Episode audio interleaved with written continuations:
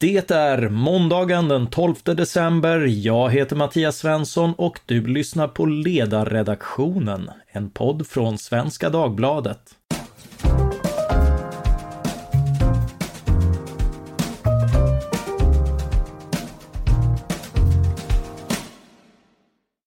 Dagens ämne är marschen mot nätkriget.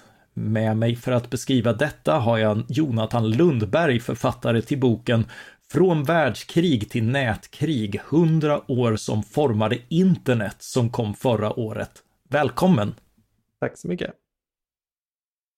Jag måste inleda med att säga att din bok verkligen är en, en liten skatt. Den är rapp och rolig och ger viktiga insikter i världar som många i min ålder och äldre inte är riktigt hemma i. Och det är så prestigelöst och enkelt att alla kan hänga med. Tack så hemskt mycket. Jätteroligt att höra. Ja. Eh, man skulle kunna säga att den ger ett svar på frågorna hur kunde en så lovande teknik bli en plattform för radikalisering, hat och totalitära idéer? Och hur kan vi reglera för att få bort detta? Eh, men att det först, i först eh, i boken handlar om radion.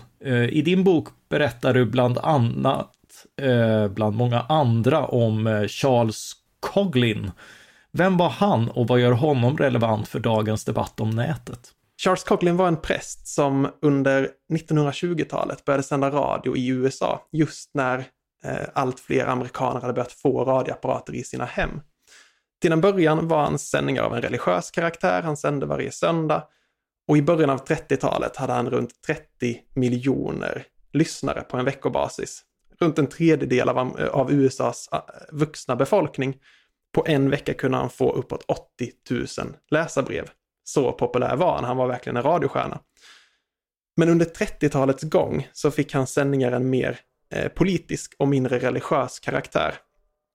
Han började kritisera den amerikanska demokratin, den amerikanska liberalismen. Han började tala gott om eh, Nazityskland. Han började prata gott om Hitler.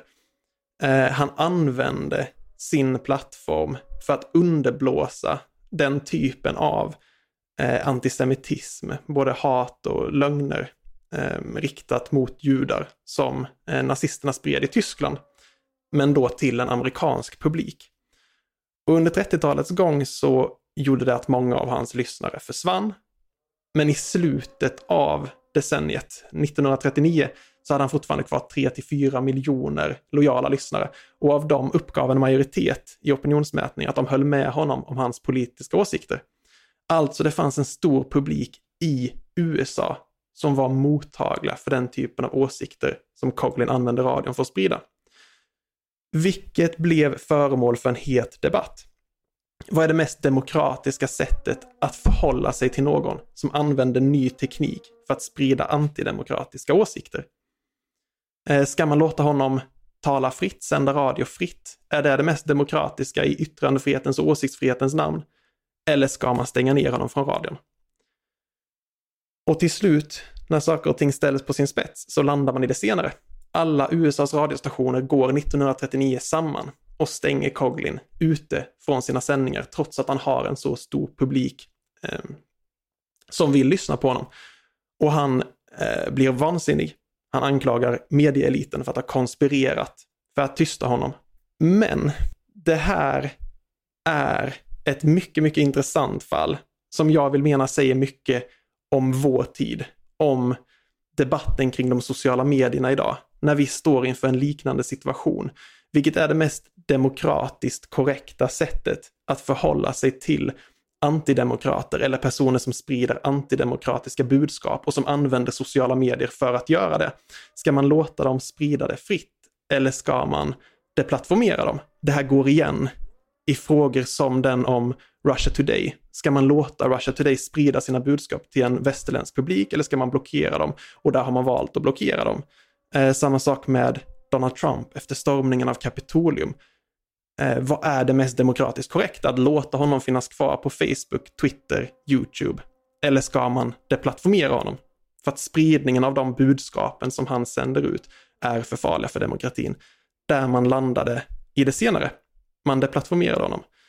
Men det är absolut ingen fråga med ett enkelt svar, men det är där, någonting där jag tror att vi kan lära oss mycket om debatten vi står inför idag kring de sociala medierna genom att kolla på den debatt som fanns om massmedierna under mellankrigstiden för hundra år sedan. Ja, det är ju onekligen eh, ett, ett scenario som verkligen känns igen. Skulle man kunna säga att eh, din bok ger en bakgrund till hur internet och sociala medier på senare år blivit just en grogrund för radikalisering, hat och totalitära ideologier? Ja, men det tycker jag man skulle kunna säga. Jag ser det som att den står på två ben. Um, å ena sidan har vi den här uh, mediedebatten. Jag jämför situationen 1920 med situationen 2020. Uh, eh, den andra sidan är, uh, eller det andra benet är att jag försöker förklara internetkulturens historia, hur internetkulturen växte fram, hur den blev som den är idag, hur eh, extremism och konspirationsteorier fick fäste på nätet och hur eh, internetkulturen idag används för att förmedla den typen av budskap, inte minst till eh, den publiken som är mest mottaglig för radikalisering, det vill säga eh, unga män i utanförskap som i hög grad lever sina liv på internet. Ja, det är alltså, eh, det finns alltså ett problem som du också medger och vi ska återkomma till vad man eh, kan och bör göra åt det. Men eftersom du beskrivit den fantastiska vägen dit tänkte jag att vi ändå tar med lyssnarna på några nedslag. Eh, så min nästa fråga blir också ett namn, Stuart Brand. Vem var han? En otroligt intressant person. Stuart Brand är nog en av dem eh, i mänsklighetens historia som har varit på rätt plats vid rätt tidpunkt flest gånger under sitt liv. Han är i 90-årsåldern idag, eh, fortfarande aktiv i en organisation som heter The Long Now som sysslar med framtiden. Men redan på 60-talet så var han en nyckelperson i eh, den libertarianska hippierörelsen på den amerikanska västkusten. Han eh, gick sedan vidare och blev en nyckelperson för den tidiga datorindustrin i Silicon Valley. Och den här, eh, det här giftermålet skulle man kunna säga, mellan hippierörelsens ideal och Silicon Valleys ideal, eh, där datorn blev ett redskap för att föra in den här ideologin i människors liv. Att eh, datorn ska göra individen stark, datorn ska flytta makt från eh, staten, storföretagen och så vidare till den enskilda individen. Han var också en nyckelperson i det tidiga internet under 80 och 90-talet och var därmed och formade den tidiga internetkulturen, påverkade lagstiftningen som kom att forma internet. Och därför blir han en röd tråd i boken för att förstå den här utvecklingen från 60 till 90-talet där hippierörelsens ideologi på många sätt lägger grunden för hur internet blev på 90-talet. Och där finns just de här tankarna om den absoluta friheten, den fria individen, den absoluta yttrandefriheten. Eh, om man vill att det är det, de idealen som ska prägla internet. Vilket innebär att debatten om yttrandefrihet på internet under 90-talet är fjärran från debatten kring radion under mellankrigstiden när demokratin befann sig i kris. Eh, för hippierörelsens ideologi är en ideologi som har vuxit fram i, i välstånd, i ett stabilt samhälle, ett, ett, eh, en ekonomi som expanderar. Ehm, och man kan väl säga att det är lite det som har skapat den konflikt vi ser på internet idag. Att de här frihetsidealen formade internet på 90-talet vem som helst skulle vara tillåten att uttrycka vad som helst på nätet. Och idag, eh, när demokratin återigen på en del sätt åtminstone befinner sig i kris, där stormningen av Kapitolium blev det tydligaste exemplet hittills på det i, eh, eh i en amerikansk kontext åtminstone, så är det inte längre lika självklart att de här frihetsidealen eh, är den rätta vägen att gå. Debatten från mellankrigstiden har växt igen. Och nu frågar man sig att den här lagstiftningen som formade internet på 90-talet, behöver den förändras? Eller behöver vi på andra sätt eh, ändra vår inställning till yttrandefriheten på internet. Vissa grejer kanske behöver tas bort för att skydda demokratin. Eller så behöver de det inte, men det är i alla fall en debatt som inte riktigt fanns på 90-talet, där absolut yttrandefrihet var målet, men där detta nu ifrågasätts. Mm.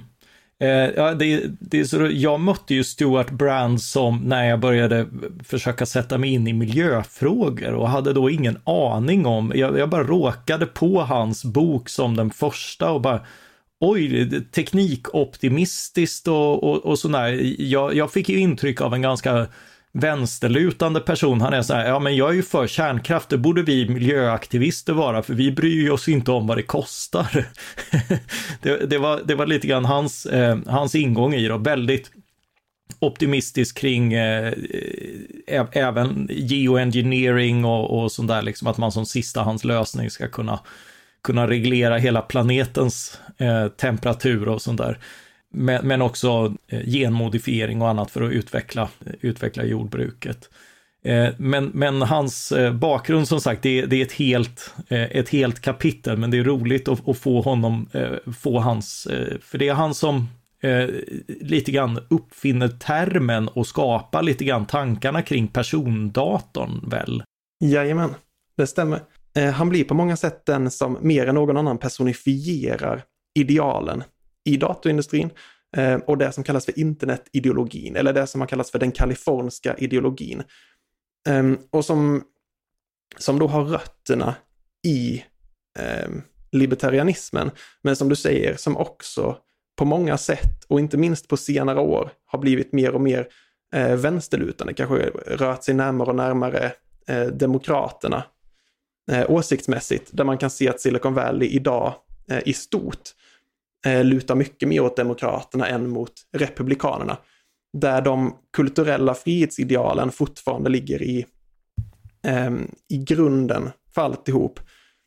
Eh, och där det finns konflikter vad gäller de ekonomiska eh, frihetsidealen. Eh, där libertarianismen kanske snarare har bytts ut mot att man är okej okay med att betala en högre skatt. Eh, man är okej okay med att eh, bidra till en välfärdsstat men man vill att företagen ska regleras så lite som möjligt. Man, ska, man vill vara fria att tjäna de här pengarna. Så det, det, är en ganska unik ideologi som har blivit verkligen unik för Silicon Valley och där, där Stuart Brand på många sätt verkar ha följt, följt med den här utvecklingen och personifierat den från 60-talet nästan tills idag. Ja, eh, ja verkligen. Eh, och han har ju ändrat sig på många andra punkter. Jag menar, då var han ju liksom gröna vågaren, flytta ut eh, på landet och, och sen blev han flytta in till storstäderna och, och båda av av miljöskäl. Eh, men jag tänkte, det är ju kul att läsa, fantastisk läsning om de här kaliforniska hippisarna och, och de här tidiga stegen. Men var, var, det någon av de här tidiga entusiasterna som såg problemen komma som vi har upplevt på senare år? Fanns det en beredskap? Nej, i allmänhet så är nog svaret eh, eh nej. Eh, man var väldigt idealistiska eh, och man var eh, ganska hårda i sin argumentation där under 90-talet. Att minsta eh, försök till regleringar av internet eller av datorindustrin såg som ett angrepp mot eh, friheten då. Ehm, så det här är ju också ett tankegods och en eh, lagstiftning som växte fram i en, i en annan tid när Silicon Valley sågs som en motkraft till den stora staten. Att vi har maktcentrat i Washington DC och vi har Silicon Valley som ska bidra till att decentralisera den här makten, sprida ut den till befolkningen. Men det som har hänt sedan dess, eh, som få verkar ha förutspått på den tiden, var just att Silicon Valley skulle bli det nya maktcentrat, eller åtminstone det andra maktcentrat. Eh, att så mycket makt skulle vara centraliserad till företaget, eh, företagen. Eh, och det är den situationen vi står inför idag, att de flesta känner nog inte att de är eh, så fria på internet eller att informationsflödet där är så decentraliserat, utan snarare att det har blivit väldigt centraliserat, att nästan all information går genom ett par teknikjättar som då är Facebook, YouTube, Twitter och så vidare. Vi ska hoppa vidare till ett amerikanskt forum som heter 4chan, eh, där så småningom en politisk radikalisering eh, tar fart, men, men det är inte alls så det börjar. Hur, hur börjar det? Ja, det här börjar ju då som ett, eh, en kopia av ett japanskt forum som heter 2chan, som under 90-talet blev Japans allra mest populära forum, där den japanska internetkulturen mer eller mindre föddes och växte fram, liknade på många sätt ett japanskt Flashback. 2003 så bestämmer sig amerikanen Christopher Poole, som vid den här tiden är 15 år gammal, för att han ska skapa en engelskspråkig variant av detta. En variant av 2chan som kan ta den här internetkulturen till en västerländsk publik. Så han skapar då 4chan. Och de första åren så är det verkligen just det. Det är precis som Tuchan har varit så ska det vara ett helt anonymt forum. Det finns den här tanken om den absoluta yttrandefriheten. Allting ska vara tillåtet om det inte uppenbart strider mot amerikansk lag. Eh, Christopher Poole vill inte moralisera på något sätt. Eh, så han tillåter verkligen det allra, allra mesta. Och stora delar av internetkulturen som vi känner den idag föds där. Eh, det kändaste exemplet är lolcats, alltså kattbilder ihop med kul texter, som är en trend som kommer från Japan, men som då via 4chan når en västerländsk publik och de inför någonting som de kallar för Catter Days. Eh, alltså varje lördag så ska de eh, ladda upp bilder på sina katter. Um, och ju roligare desto bättre. Så det är en väldigt lekfull kultur. kultur. Uh, mycket av det vi förknippar med internet idag föds där, även om det har utvecklats mycket sedan dess. Men man kan också säga att de här tidiga användarna är i hög grad eh, den typen av eh, de, de, de, de tillhör den demografi som jag pratade om tidigare som lättast att radikalisera, nämligen unga män i utanförskap. Många av dem eh, skriver öppet om att de lever sina liv på internet därför att de känner sig utanför i skolan, de känner sig ensamma. Många av dem skämtar väldigt mörkt om eh, psykisk ohälsa, depressioner, ångest, självmordstankar. Och en av deras, eh, det första som de blir ökända för är deras eh, trollattacker mot hemsidor där normies umgås, som de uttrycker det. Eh, normies de eller normal facts. Eh, och det, ja. det, skulle då kunna beskrivas som normala människor. För de tycker att normala mm. människor har det för lätt. De passar in, de kan lätt få vänner, de kan lätt få flickvänner. Och 4chans användare tycker att det är orättvist. Så man attackerar de här hemsidorna, försöker provocera dessa normies så mycket man bara kan. Eh, försöker på många sätt provocera dem till den grad att de ska vilja lämna internet, vilket de förvisso inte lyckas med. Men detta är då stadiet som, som, som präglar eh, 4chans första år, eh, innan det överhuvudtaget har någon tydlig politisk riktning eller liknande. Mm. Eh, ja, eh, finns alltså jag skrattade ju gott åt de här tidiga exemplen på trollande och man ger sig på mindre och barnställen och sådana alternativa verkligheter där man går in och formerar hakkors och sånt där liksom ba, bara för att provocera då.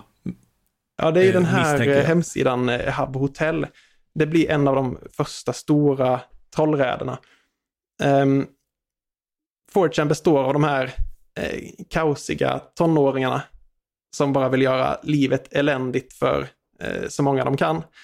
Och så ger de sig in där eh, och börjar först med ganska barnsliga grejer. De, eh, för det här är då ett, ett virtuellt hotell där användarna kan gå runt och prata med varandra, hänga i baren, gå ner i swimmingpoolen. Och 4chans användare börjar blockera allt detta. De ställer sig i vägen så att man inte kan gå förbi. De börjar spamma så att det inte går att läsa vad andra skriver. Um, för det här då är ett chattflöde i rummen som de helt kan, um, helt kan klottra ner. Sen börjar det här gradvis bli mer och mer extremt. Där, som, som du säger, de blir... Um, de, de, de, de, allihop har valt likadana avatarer. Det är avatar, avatarer med mörk hy och så när de blir avstängda därför att de beter sig illa Eh, så kommer de tillbaka och säger ni stänger av oss på grund av att vi, vi är mörkhyade, det är rasism. Och så börjar de ställa sig i de här hakkorsformationerna eh, och de börjar skriva eh, de mest fruktansvärda grejer de kan komma på.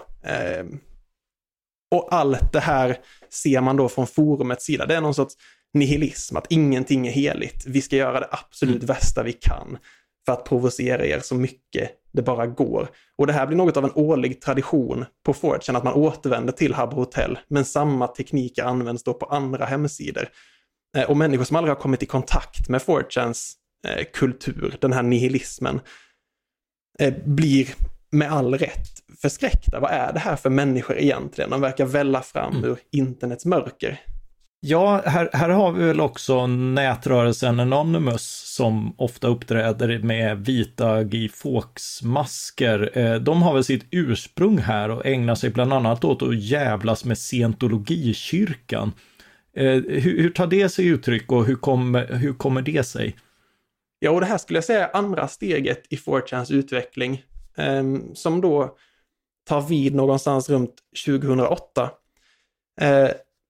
Det sprids en video som många säkert har sett av Tom Cruise där han eh, berättar om sitt liv som scientolog. Och han är minst sagt eh, excentrisk. Han berättar att vid en trafikolycka så är det bara scientologer som på allvar kan hjälpa till. Eh, och han skrattar på ett sätt som är eh, minst sagt memvänligt. Eh, folk tar bilder av det här skrattet och menar helt enkelt att han ser manisk ut. Eh, han beskrivs på 4 som något av en eh, hjärntvättad normie, att nu har han tappat det. Scientologerna tycker inte att det är lika kul, utan de går ut brett och försöker få den här filmen borttagen från internet. Och eftersom det är de själva som från början har filmat den så gör de det med hänvisningar till upphovsrätten. Och nu tänds någonting eh, i 4chans inre. För precis som eh, resten av internet vid den här tiden eh, så bottnar 4chans ideologi mycket i den här hackerideologin, som i sin tur bottnar i hippierörelsens ideologi. Med tanke om att informationen ska vara fri, eller information wants to be free, som man uttrycker det. Så 4chan får en riktning. Man riktar in sig på eh, scientologikyrkan och eh, startar nätkrig mot dem under våren 2008. Eh, och man dyker upp utanför scientologikyrkor med de här maskerna som du beskriver eh, som då står för någon sorts eh, anarkism eller frihetssträvan. Eh, man spelar eh, Rick Astley's Never Gonna Give You Up från högtalare, eh, dansar eh, hejdlöst. Och scientologerna som tittar ut och ser detta måste ju undra vad tusan det är som pågår. Vad är det här för människor? För under en enda dag lyckas 4chan samla 9000 användare som ger sig ut i verkligheten och demonstrerar utanför scientologikyrkor världen över.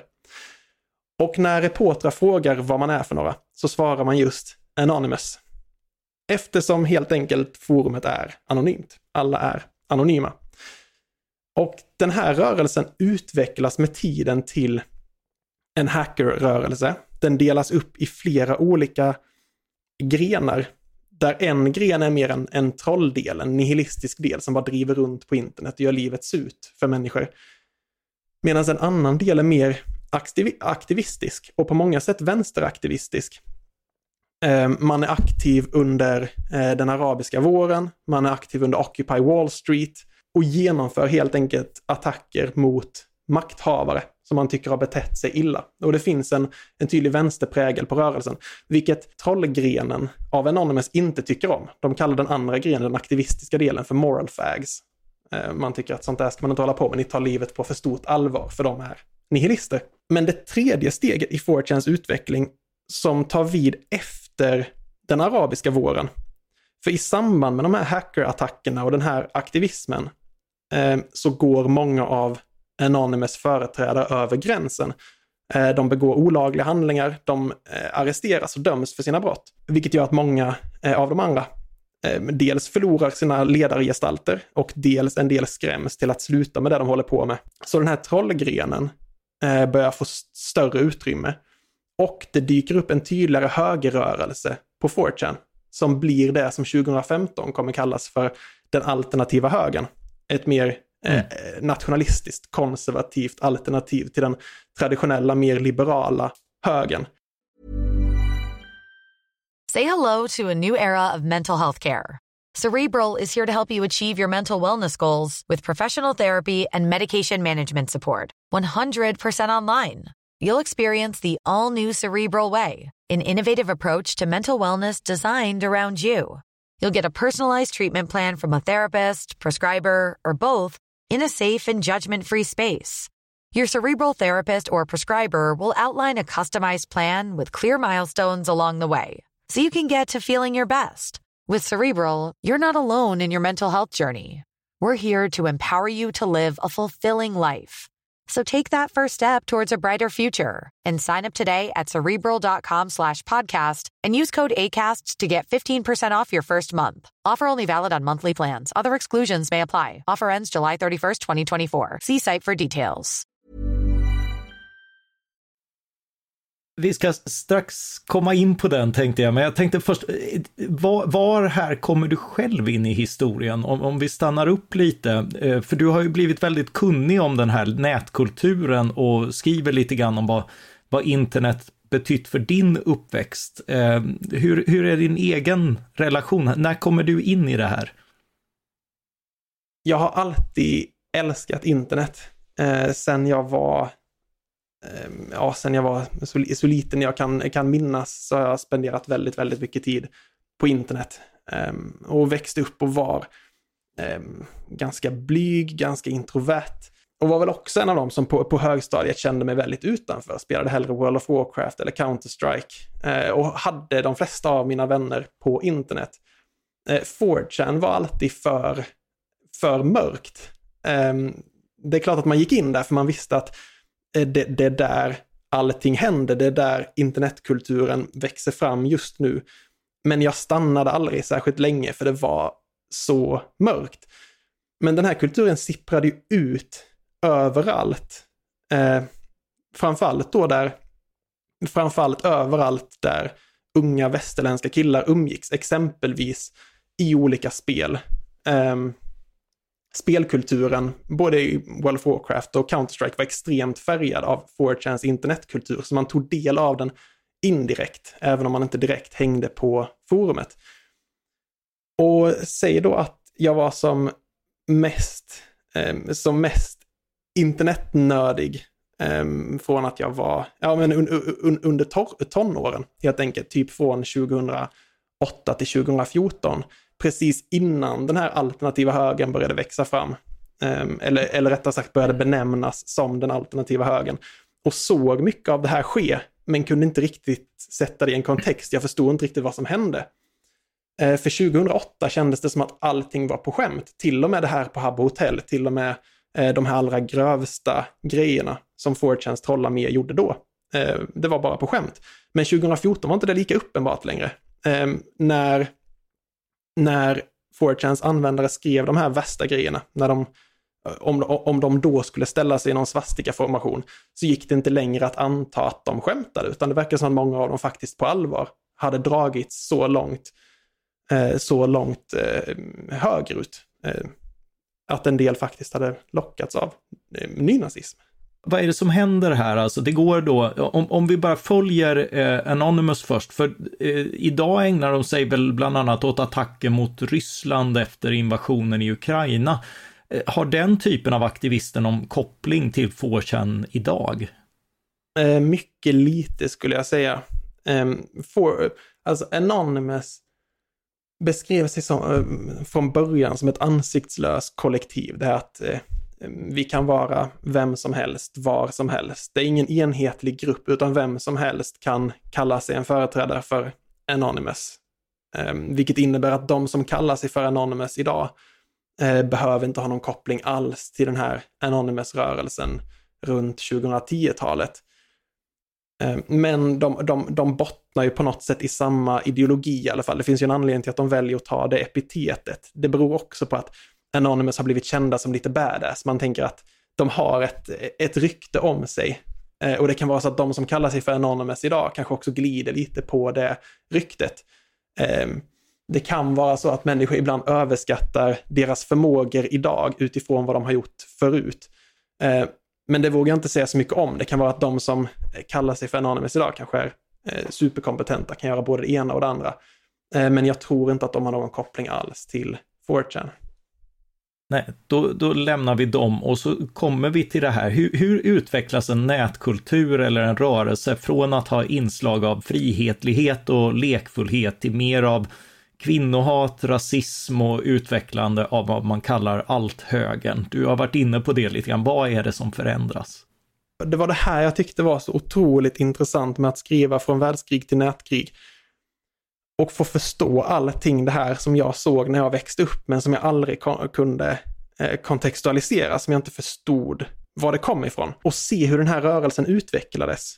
Ehm, om vi behåller ungefär de årtalen från 2008 till eh, 2015 så kan vi se att vi börjar med ett forum som är dominerat av unga män i utanförskap.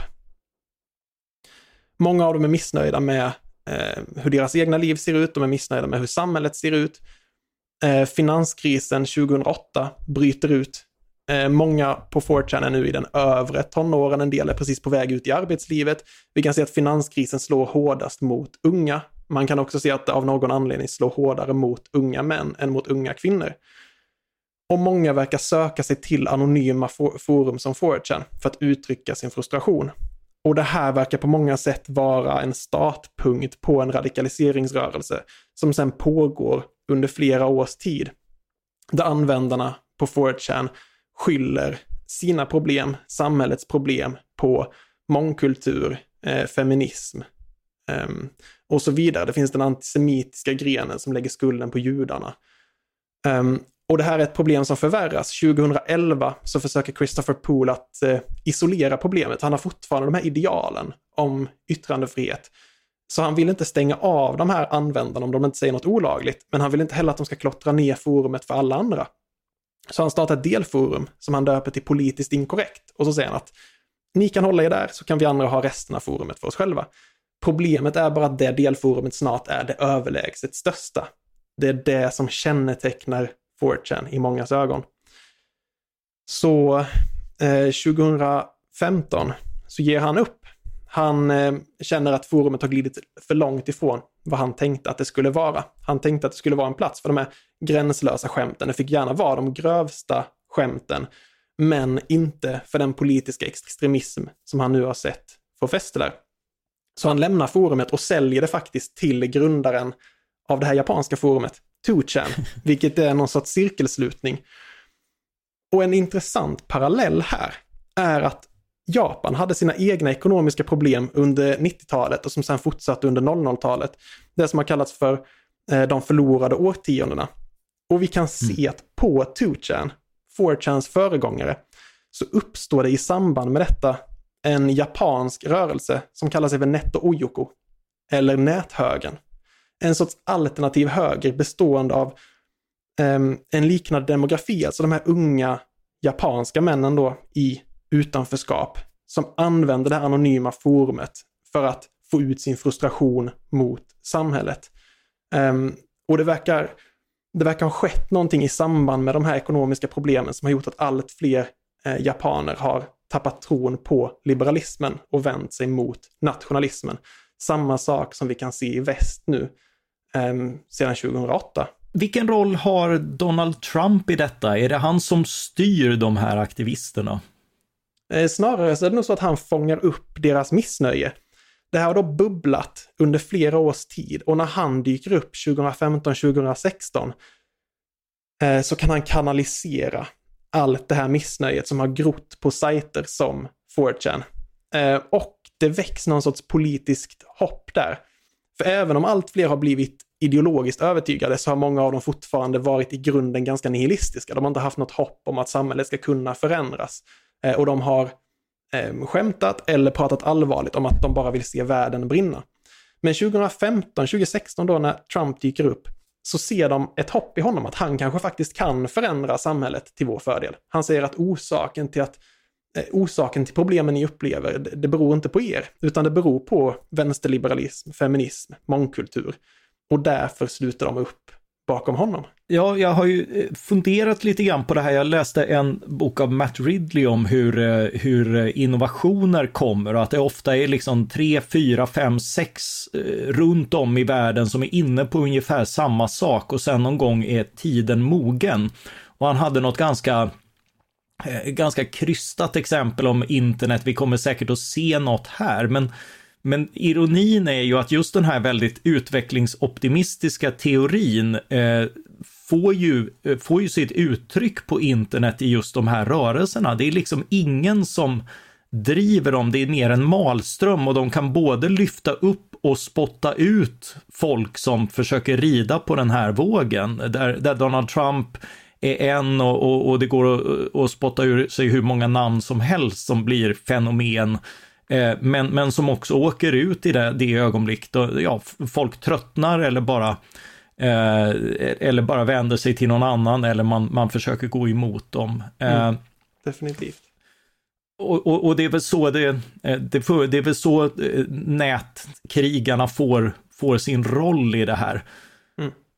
Eh, om, om man går vidare, på, på samma forum föds eh, därefter när, när man har fått in Donald Trump så föds konspirationsteorier som eh, Pizzagate och hur, hur säger man, Quanon? Eh, jag brukar säga Qanon, men det finns många QAnon, olika ja, varianter ja. av det. Mm. Går det att kort säga vad de går ut på? det är, um, mm, det är väldigt, uh, väldigt svåra rörelser um, att sammanfatta kort. Men om jag ska försöka mm. så bygger det här i sina mest, um, sina mest extrema former på en tro om att västvärlden styrs av en kabal bestående av eh, satanister, kannibaler och framförallt pedofiler eh, som har konspirerat då eh, bortom folkets ögon och att Trump ska omkullkasta den här konspirationen, eh, avslöja allting för folket och ställa saker och ting till rätta igen. Men sen finns det mängder av olika varianter av detta. Det finns människor som bara tror på delar av konspirationsteorin, som tror på eh, mindre extrema varianter av den, som har plockat russinen ur kakan. Och man kan säga att allting går att koppla tillbaka till det faktiska fallet kring eh, Eh, Jeffrey Epstein, den här affärsmannen som faktiskt dömdes för eh, pedofili och barntrafficking eh, och där det misstänks att fler rika och mäktiga personer var inblandade, men där man inte har kunnat fastställa vilka de här personerna var, utan det finns bara indicier. Sen begick då Epstein självmord i sin fängelsecell. Och det här, den här oklarheten lämnar utrymme för spekulation. Begick han faktiskt självmord mm. eller var det de här rika mäktiga människorna som mördade honom för att han inte skulle kunna avslöja dem? Um, så det är detta som mycket av det tar avstamp i den här faktiska händelsen. Och sen finns det då en bred flora av olika, olika konspirationsteorier eh, från de mer troliga, eh, där vissa personer som faktiskt hade nära kopplingar till Jeffrey Epstein, Eh, där det spekuleras kring dem, till de här mest extrema varianterna då, där det pratas om att eh, hela västvärlden styrs av en elit som var inblandad i den här eh, trafficking-härvan. Så, så, så det är svårt att prata om dem som enheter, men jag skulle säga att det är det som i grund och botten förenar de som tror på de här konspirationsteorierna, Pizzagate och sen Qanon. Och det blir ju lite grann mobiliserande för den som den, den som vill kämpa, för, för det är demokrater, det är så kallade vänsterliberaler och, och något slags eh, globalt nätverk, så det blir tacksamt för de som vill, vill bekämpa det att, eh, att, att i alla fall blinka åt, åt det hållet. Ja, och det är väldigt, eh, dels, det kan tyckas svårt att tro på de mest extrema varianterna av detta, men om man gör det, om man på allvar tror att västvärlden styrs av det här nätverket av pedofiler, satanister och kannibaler, så måste man göra någonting åt det. Man kan inte låta det vara så, vilket innebär att de här rörelserna från början har haft nära till aktion, haft nära till våld. Det kopplar också ihop med eh, Donald Trumps anklagelser eller påståenden om valfusk. Ehm, för i den här teorin så påstås det att i och med att de här sägs styra västvärlden, hur kunde då Trump bli president? Jo, han ska då ha fått stöd från eh, den amerikanska militären för att bli president 2016. Men 2020, när han förlorar valet och säger att det här var riggat, det här är valfusk, så spelar det ju direkt in i Qanon-rörelsens konspirationsteorier. Självklart är det riggat. Det måste ju vara den här eliten som har riggat emot honom. Nu försöker de ta makten från honom. De försöker stoppa honom från att vinna valet på det sätt de misslyckades att göra 2016. Och det tänker Qanon-rörelsen inte gå med på. Vilket innebär att vid stormningen av Kapitolium så är det Qanon-symboler överallt. eh, Qanon-rörelsen är en stor del av det. För de ser det som att nu ska vi ta tillbaka makten från eliten. Du är lite grann inne på vilka som söker sig till de här teorierna. För, eh, för du har ju dels de här Eh, många yngre verkar ha drivit på bara för att få sig ett gott skratt eller på rent eh, jävelskap. Men det finns också andra som har sugit åt sig teorierna som, som sanningar. Eh, som då de etablerade medierna och makthavarna velat hålla ifrån eh, folk som dem. Och det är många du, många ensamma och äldre, ofta ovana vid att värdera källor och, och sanningshalt och, och, människor som helt enkelt sökt efter, efter förklaringar till att ett samhälle som svikit dem och funnit dem då i berättelser med tydliga syndabockar och riktar sin vrede mot, det är invandrarna, eliten, medierna och sånt där. Uh, och med sådana förklaringar har man också funnit en, en gemenskap och bekräftelse. Kan man, kan man säga att det är så som nätkrigare, eh, ganska ensamma uh, människor av nätkrigare kunnat mobiliseras? Ja, definitivt. Och man kan säga så att den alternativa högen bestod till största del av de här unga männen på 4chan. Men Qanon-rörelsen föddes när det dök upp en användare återigen på 4chan som kallade sig för Q. Eh, och som då påstod alla de här sakerna. Han påstod att han befann sig i Trumps absoluta närhet. Eh, och när Trump konfronterades med frågor om detta av reportrar, att, att hur ser du på Qanon-rörelsen? Eh, så förnekade han inte detta rakt ut, vilket då också tas som intäkt av rörelsen om att de har rätt. Varför skulle han annars inte bara säga att den här Q är en bluffmakare? Men även om den här Q dyker upp på 4chan så kan man se att 4chans användare verkar i hög grad ha tagit honom som ett skämt. De här första kommentarsfälten där han dyker upp är fyllda av förlöjligande av honom, man skrattar åt honom. Men sen sprids hans påstående ut i de stora sociala medierna, ut på Facebook, Twitter och YouTube.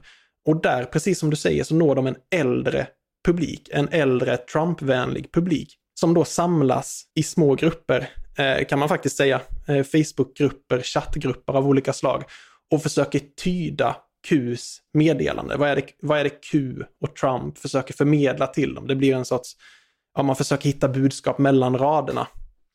Och där kan man se att det här blir en gemenskap i utanförskapet för många av de här äldre.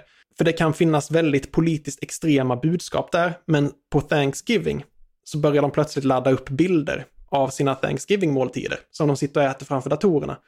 Och så skriver de till varandra, eh, mm, vad äter ni? Jag sitter ensam hemma för att min eh, familj orkar inte längre umgås med mig därför att jag tror på de här teorierna. Men en vacker dag kommer de se att jag hade rätt och då kommer jag bli en del av familjen igen. Så man lever i ett djupt utanförskap som förvärras av de här konspirationsteorierna, för människor bryter kontakten med en. Men man lever då också med hoppet, dels om dels att man har den här gemenskapen, man får en gemenskap i de här grupperna, vilket gör att man blir ännu mer knuten till Qanon-rörelsen. Men också det här hoppet om att i framtiden kommer de se att vi har rätt och då kommer de hylla oss. Eh, för vi var först och såg det.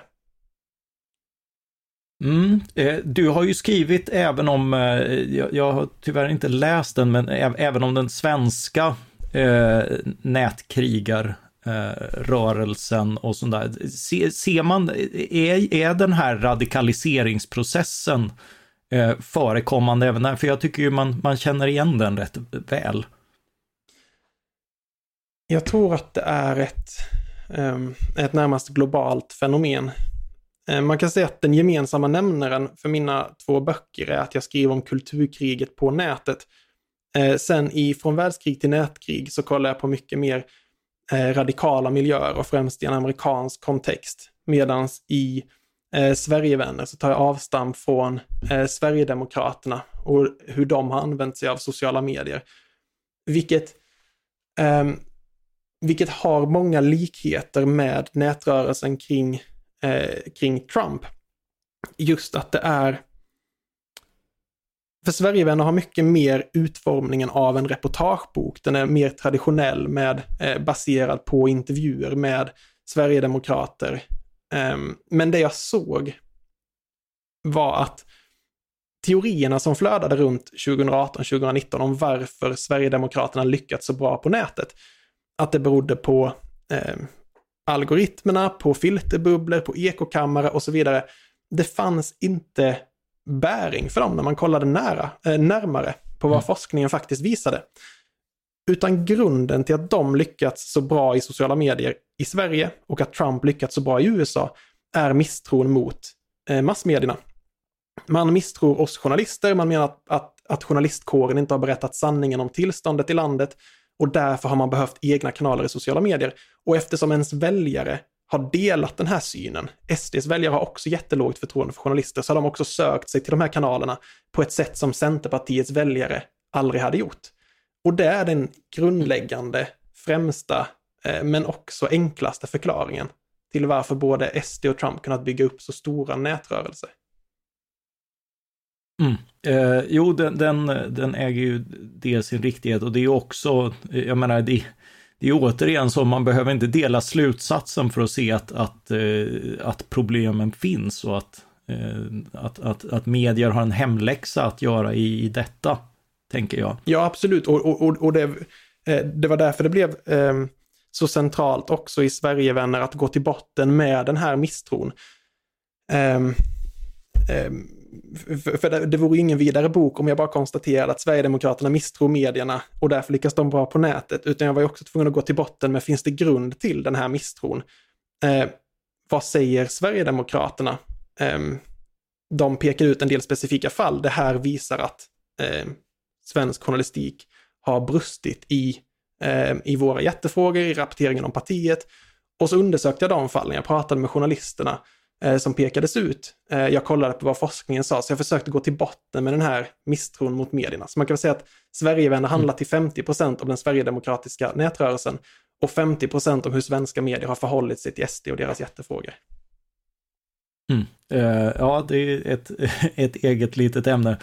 Eh, jag tänkte apropå den här mobiliseringen då av, av, nätkrigare, en del har ju också tagit den hela vägen till politiskt våld och drömmar om inbördeskrig som i Charlottesville 2017 när en vikt maktrörelse demonstrerade och, och vid stormningen av Kapitolium förra året. Eh, hur, hur nära kopplade är de krigarna till, eh, till nätaktivismen?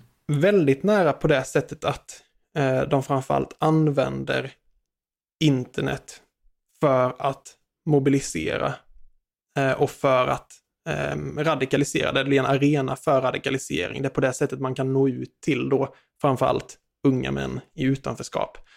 Eh, man kan göra det på internet, man kan göra det med hjälp av internetkulturen. Så på det sättet så är de väldigt nära kopplade. Eh, ja, och bara häromdagen här avslöjades i Tyskland planer på att störta den parlamentariska demokratin och utföra terror, orga, eh, terroraktioner mot känslig elproduktion. Eh, också här tycks liknande tankar vara i omlopp och det har talats om kopplingar till Qanon. vad finns att säga om, om det, även om man inte vet så mycket ännu? Ja, men det är jättesvårt att säga och, och, och som du säger så vet vi inte så mycket om detta ännu, men den här, um, jag är osäker på om man uttalar det, Reichsbürger-rörelsen. Uh, någonting mm, i den ja, stilen, ja. åtminstone. Uh, dels påminner den på vissa sätt om Qanon-rörelsen. Den påminner också om det som i Tyskland har kallats för Querdenken-rörelsen, som är deras um, anti-lockdown-rörelse och som också på många sätt har blivit en anti-vaccinrörelse och, anti, och utifrån det en anti-etablissemangsrörelse. Och där har man kunnat se många kopplingar mellan högerextrema rörelser och eh, antivaccinrörelser och så vidare under pandemin. Att de har flutit samman i just misstron mot etablissemanget. Och man kan se att, att det har funnits ett överlapp på det sättet att många inom Ehm, den högerextrema miljön har blivit mer eh, vaccinskeptiska och många inom den vaccinskeptiska miljön har blivit mer mottagliga för högerextrema budskap. Ehm, men sen vet jag inte just hur, hur den här rörelsen ehm, har använt sig av, av internet. Det kan jag inte säga något om, mer än att det finns de här gemensamma nämnarna mellan de här olika strömningarna. Mm. Ja, jo, eh, de, de känns kanske inte som eh, nätaktivister direkt. Eh, Nej, inte riktigt inte han, åldersspannet. Prins Heinrich. Och... Eh, men, men däremot kan man ju säga att de, att de delar en stor del av tankegodset med Qanon-rörelsen på det sättet att Qanon-rörelsen menar dels att USA i hemlighet styrs av den här eliten, men också att eh, Tyskland och Japan sedan andra världskriget har gjort det. Och där verkar ju tankegodset vara detsamma, att, att den här tyska rörelsen menar att det finns inte en tysk legitim stat sedan 1945, utan nu ser de det mer som ett eh, de menar att Tyskland drivs i form av ett företag nu och de vill instifta den legitima staten som fanns före 1945. Så det finns många beröringspunkter däremellan i tankegodset. Mm. Om vi då går över till frågan vad, vad stat, politik och storföretag eh, kan och ska göra åt det här. Eh, när det nu tar sig så våldsamma uttryck och, och, och blir en så påtaglig faktor, är det inte hög tid att kräva av viktiga plattformar som Facebook och Twitter att de helt enkelt håller rent från hat och hot? Ja, detta blir väl den, den, den kontroversiella eh, slutsatsen av min bok, eller det kontroversiella slutet på boken. Ehm, att jag landar i att ehm, sån, sådan mod ökad moderering eh, inte nödvändigtvis är rätt väg att gå. Ehm, dels därför att det är svåra överväganden som behöver göras och det är där jag gör kopplingen tillbaka till 1920 och 1930-talet. Vad kan vi lära oss av mellankrigstidens debatt? Vad är det mest demokratiska sättet att förhålla sig till antidemokratiska budskap. Där det absolut inte finns ett självklart svar, eh, men där man inte heller eh, bara kan gå direkt på deplattformeringar, utan det finns en rad överväganden, inte minst kring yttrandefriheten, som behöver göras. Men också bortom eh, de principiella övervägandena eh, så handlar det också om de direkta konsekvenserna. Att vi har kunnat se efter stormningen av Kapitolium när Trump och Eh, många av hans anhängare som på olika sätt knöts till den alternativa högern eller till Qanon-rörelsen stängdes av från de stora plattformarna så försvann de inte från internet utan de försvann ner eh, till mindre och mindre modererade plattformar såsom Telegram där de organiserar sig i grupper eh, där människor tycker som dem. Allihop är lika radikala, de radikaliserar varandra, de blir inte emotsagda Eh, de piskar upp varandras ilska. Någon är arg över någonting och någon annan säger du borde vara ännu argare. Eller jag är ännu argare. Eh, mm. Och så blir det som en eh, tryckkokare som står i internets källare. Som är väldigt svår att få insyn i för både rättsväsende, journalister och politiker. Det är mycket mer slutna grupper. Så man riskerar faktiskt att förvärra hotet som de här grupperna utgör genom att deplattformera dem än om man hade låtit dem vara kvar i de stora plattformarna. Men som sagt, det är inga lätta beslut eh, att fatta. Men det är det jag landar i, att jag tror att de senaste åren har kraven på ökad moderering gjorts allt för utan tankar på vad konsekvenserna, de negativa konsekvenserna av den här ökade modereringen kan innebära. För som en tredje faktor, även bortom detta, så kan vi också se att företagen bakom de här plattformarna, som Facebook, som Twitter, får en oerhörd makt över samhällsdebatten om vi kräver att de ska moderera mer och de bestämmer vad som ska tas bort. Är vi bekväma med att eh, Silicon Valley, eh, där makten som vi konstaterade förut har blivit väldigt centraliserad, att de eh, på egen hand fattar de här besluten om hur mycket eller hur lite det ska modereras som blir så avgörande för det demokratiska samtalet på nätet. Och du är ju också inne på det här viet som reglerar är ju inte alltid inkluderande eh, dig och mig, eh, folk utanför USA eller ens folket i USA i bred mening, utan, utan i ganska stor utsträckning de som har den politiska makten, mm. eller ekonomiska för den delen. Ja, men det blir en, en, en ganska liten klick inom de här teknikföretagen och de som utifrån har möjligheten att påverka den här klicken. Det blir de som styr modereringen. Eh, så jag ställer mig frågan i slutet av boken ehm, om diskussionen inte borde förflyttas från ifall teknikjättarna borde moderera mer eller mindre till om det finns något sätt som den här makten kan decentraliseras på. Eh, finns det det? Det finns mängder av förslag på hur man kan göra det. Ehm, jag vill mena att det har diskuterats alldeles för lite de senaste åren. Det har varit för mycket fokus på eh, hur eh, teknikjättarna ska använda sin makt, inte ifall de överhuvudtaget borde ha den makten. De själva säger ofta att de inte vill ha den här makten med tanke på ansvaret det följer med sig, utan att samtalet på nätet borde regleras på något annat sätt. Och sen finns det inget konsensus kring hur det här andra sättet skulle se ut. Men det finns intressanta förslag, exempelvis British Royal Society eh, publicerade en rapport, jag tror det var Eh, 2021, det kan ha varit början av 2022, där de menade just att, att, att moderera bort lögner eller osanningar från sociala medier kan vara skadligt för den, eh, det vetenskap, den vetenskapliga debatten. För det är ofta oklart vad som är sant eller inte tills tillräckligt mycket forskning har gjort, vilket vi såg inte minst under eh, pandemin. När saker som stämplades som osanningar och modererades bort sedan kanske visade sig vara mer eller mindre sanna när mer forskning gjordes, för att forskningsläget var så osäkert.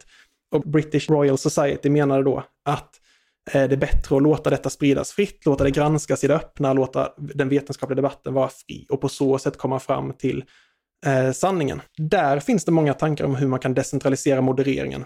Att istället för att saker och ting eh, tas bort, istället för att plattformarna stämplar någonting som osant, så kan man låta användarna själva faktagranska det. Och när man har gjort experiment med detta så kan man ju då se att speciellt när det rör eh, po politiska ämnen av olika slag så innebär det att folk bara faktagranskar sina meningsmotståndare. Men de såg också att det blir någon sorts terrorbalans, att när alla faktagranskar varandra så blir eh, summan av det hela eh, väldigt bra. Att man får en mycket större bredd på åsikterna och, och, och det här sanningsspektrat om man säger så. Ja, Wikipedia är väl en rätt bra illustration på, eh, alltså det blir absolut inte perfekt, men, men förvånansvärt eh, pålitligt ändå, alltså en, en nätbaserad uppslagsbok i princip. Mm. Ja, men verkligen. För, för när, jag säger, när jag säger eh, sanningsspektrat så menar jag just att det som i sig självt framstår som osant kan bero på att eh, kontext har dragits ifrån. Så utan kontext så stämmer inte detta. Men om man tillför kontext, vilket ofta är fallet på Wikipedia, att man säger att jo, i sig självt stämmer detta, men det är också så här, att det beror på detta, det beror inte på det som trådstartaren först sa att det berodde på, så får man en mer komplett bild av sanningen. Och detta kan då människor med olika åsikter eh, bidra till genom att faktagranska varandra. Så den typen av system tycker jag det är väldigt intressant att följa utvecklingen av. Jag tror att det skulle kunna eh, bidra med någonting gott. Mm, du, du har skrivit en bok som handlar om teknik och plattformar och föredömligt sätter in oss som kanske inte kan jättemycket om det här, men du tycks landa i att eh, det inte är regleringen av tekniken och plattformarna som, som är avgörande för att komma åt problemen med radikalisering, konspirationsteorier och politiskt våld. Eh, hur menar du där? Ja, men jag tror att tekniken spelar en viktig roll. Precis som vi såg Eh, i fallet med Charles Coughlin. Att den nya tekniken, då radion, nu de sociala medierna, har gjort att antidemokratiskt innehåll kan få större spridning än vad det har kunnat få förut. Men det är inte orsaken till att människor har blivit mottagliga för det här innehållet. Och jag tror att de senaste åren har vi fokuserat för mycket på just spridningen. Vi har fokuserat på de sociala mediernas skull, hur man kan reglera det där. När jag menar att vi i själva verket borde fokusera mer på de bakomliggande orsakerna. Vad är, eh, vad är det som har gjort människor mottagliga för de här budskapen? Eh, och kolla mer på ekonomiska, sociala, psykologiska, kulturella eh, faktorer och så vidare. För jag tror att om vi fokuserar för mycket på tekniken som vi har gjort nu, om vi fortsätter på den här vägen, om vi kräver ökad moderering, att mer och mer ska tas bort, så riskerar vi att hämma det fria samtalet på ett sätt som skadar demokratin mer än vad det skyddar den. Kloka ord. Eh, vi närmar oss slutet på detta långa men intressanta samtal. Boken kom förra året. Eh, finns det någon utveckling sedan dess som du hade velat ha med eller gör att du behöver omvärdera något du skrev? Jag har tänkt en del på detta. Först och främst såklart när kriget i Ukraina bröt ut och jag funderade på om ifall boken inte hade givits ut förra året, hade jag då eh, haft med ytterligare kapitel som handlar om eh, Rysslands propagandakrigföring i sociala medier och så vidare. Men jag har landat i att det är en bok för sig. Jag tror inte att det hade platsat i den här boken, utan det förtjänar ett eget, eh, ett eget forum, så att säga. Eh, det andra Den andra händelseutvecklingen är nu allting kring Elon Musk och Twitter som förändrar allt detta. För han har den här synen på um, att det ska modereras mindre, yttrandefriheten ska ställas i första rummet. Men där grundproblemet, just eh, teknikjättarnas centraliserade makt, eh, kvarstår. Att i slutändan blir det ändå han som avgör vad som får eh, finnas kvar eller vad som inte får finnas kvar. Och frågan är just om det är bra att samtalet på nätet regleras på det sättet. Men jag tror att det blir, snarare än att det borde ha rymts i boken, så blir det en, det blir naturligt att diskutera det utifrån bokens innehåll. Eh, så nu har jag faktiskt precis i, eh, precis skrivit klart en lång artikel åt Sydsvenskan om detta, om Elon Musk köp av Twitter. Även om jag skriver artikeln utan att man behöver förförståelse om boken, ehm, så är det direkt kopplat till bokens avslutning. Så jag tycker att boken fick ett naturligt slut i och med stormningen av Kapitolium och efterföljderna av det. För att med facit i hand, även om jag inte visste det när jag började skriva boken, så förstår man att det som beskrivs i boken från 2010 till eh, 2021, eh, det blir på många sätt den logiska slutpunkten, stormningen av Kapitolium. Så ser jag nog på saken. Så jag tycker att den fick en naturlig slutpunkt i och med det. Eh, onekligen och vi hoppas som sagt få eh, läsa mer än detta framöver. Men den här boken kan jag återigen verkligen rekommendera. Tack så mycket Jonathan Lundberg, författare till boken Från världskrig till nätkrig för att du var med oss. Tack så mycket. Tack också till alla er som har lyssnat. Tyckte ni att avsnittet var Quanon eller tröttnade ni på alla konspirationer? Mejla till ledarsidan at svd.se. Ledarsidan at svd.se. Producent för det här avsnittet var Jesper Sandström. Jag heter Mattias Svensson och jag hoppas att vi snart hörs igen. Tack för den här gången.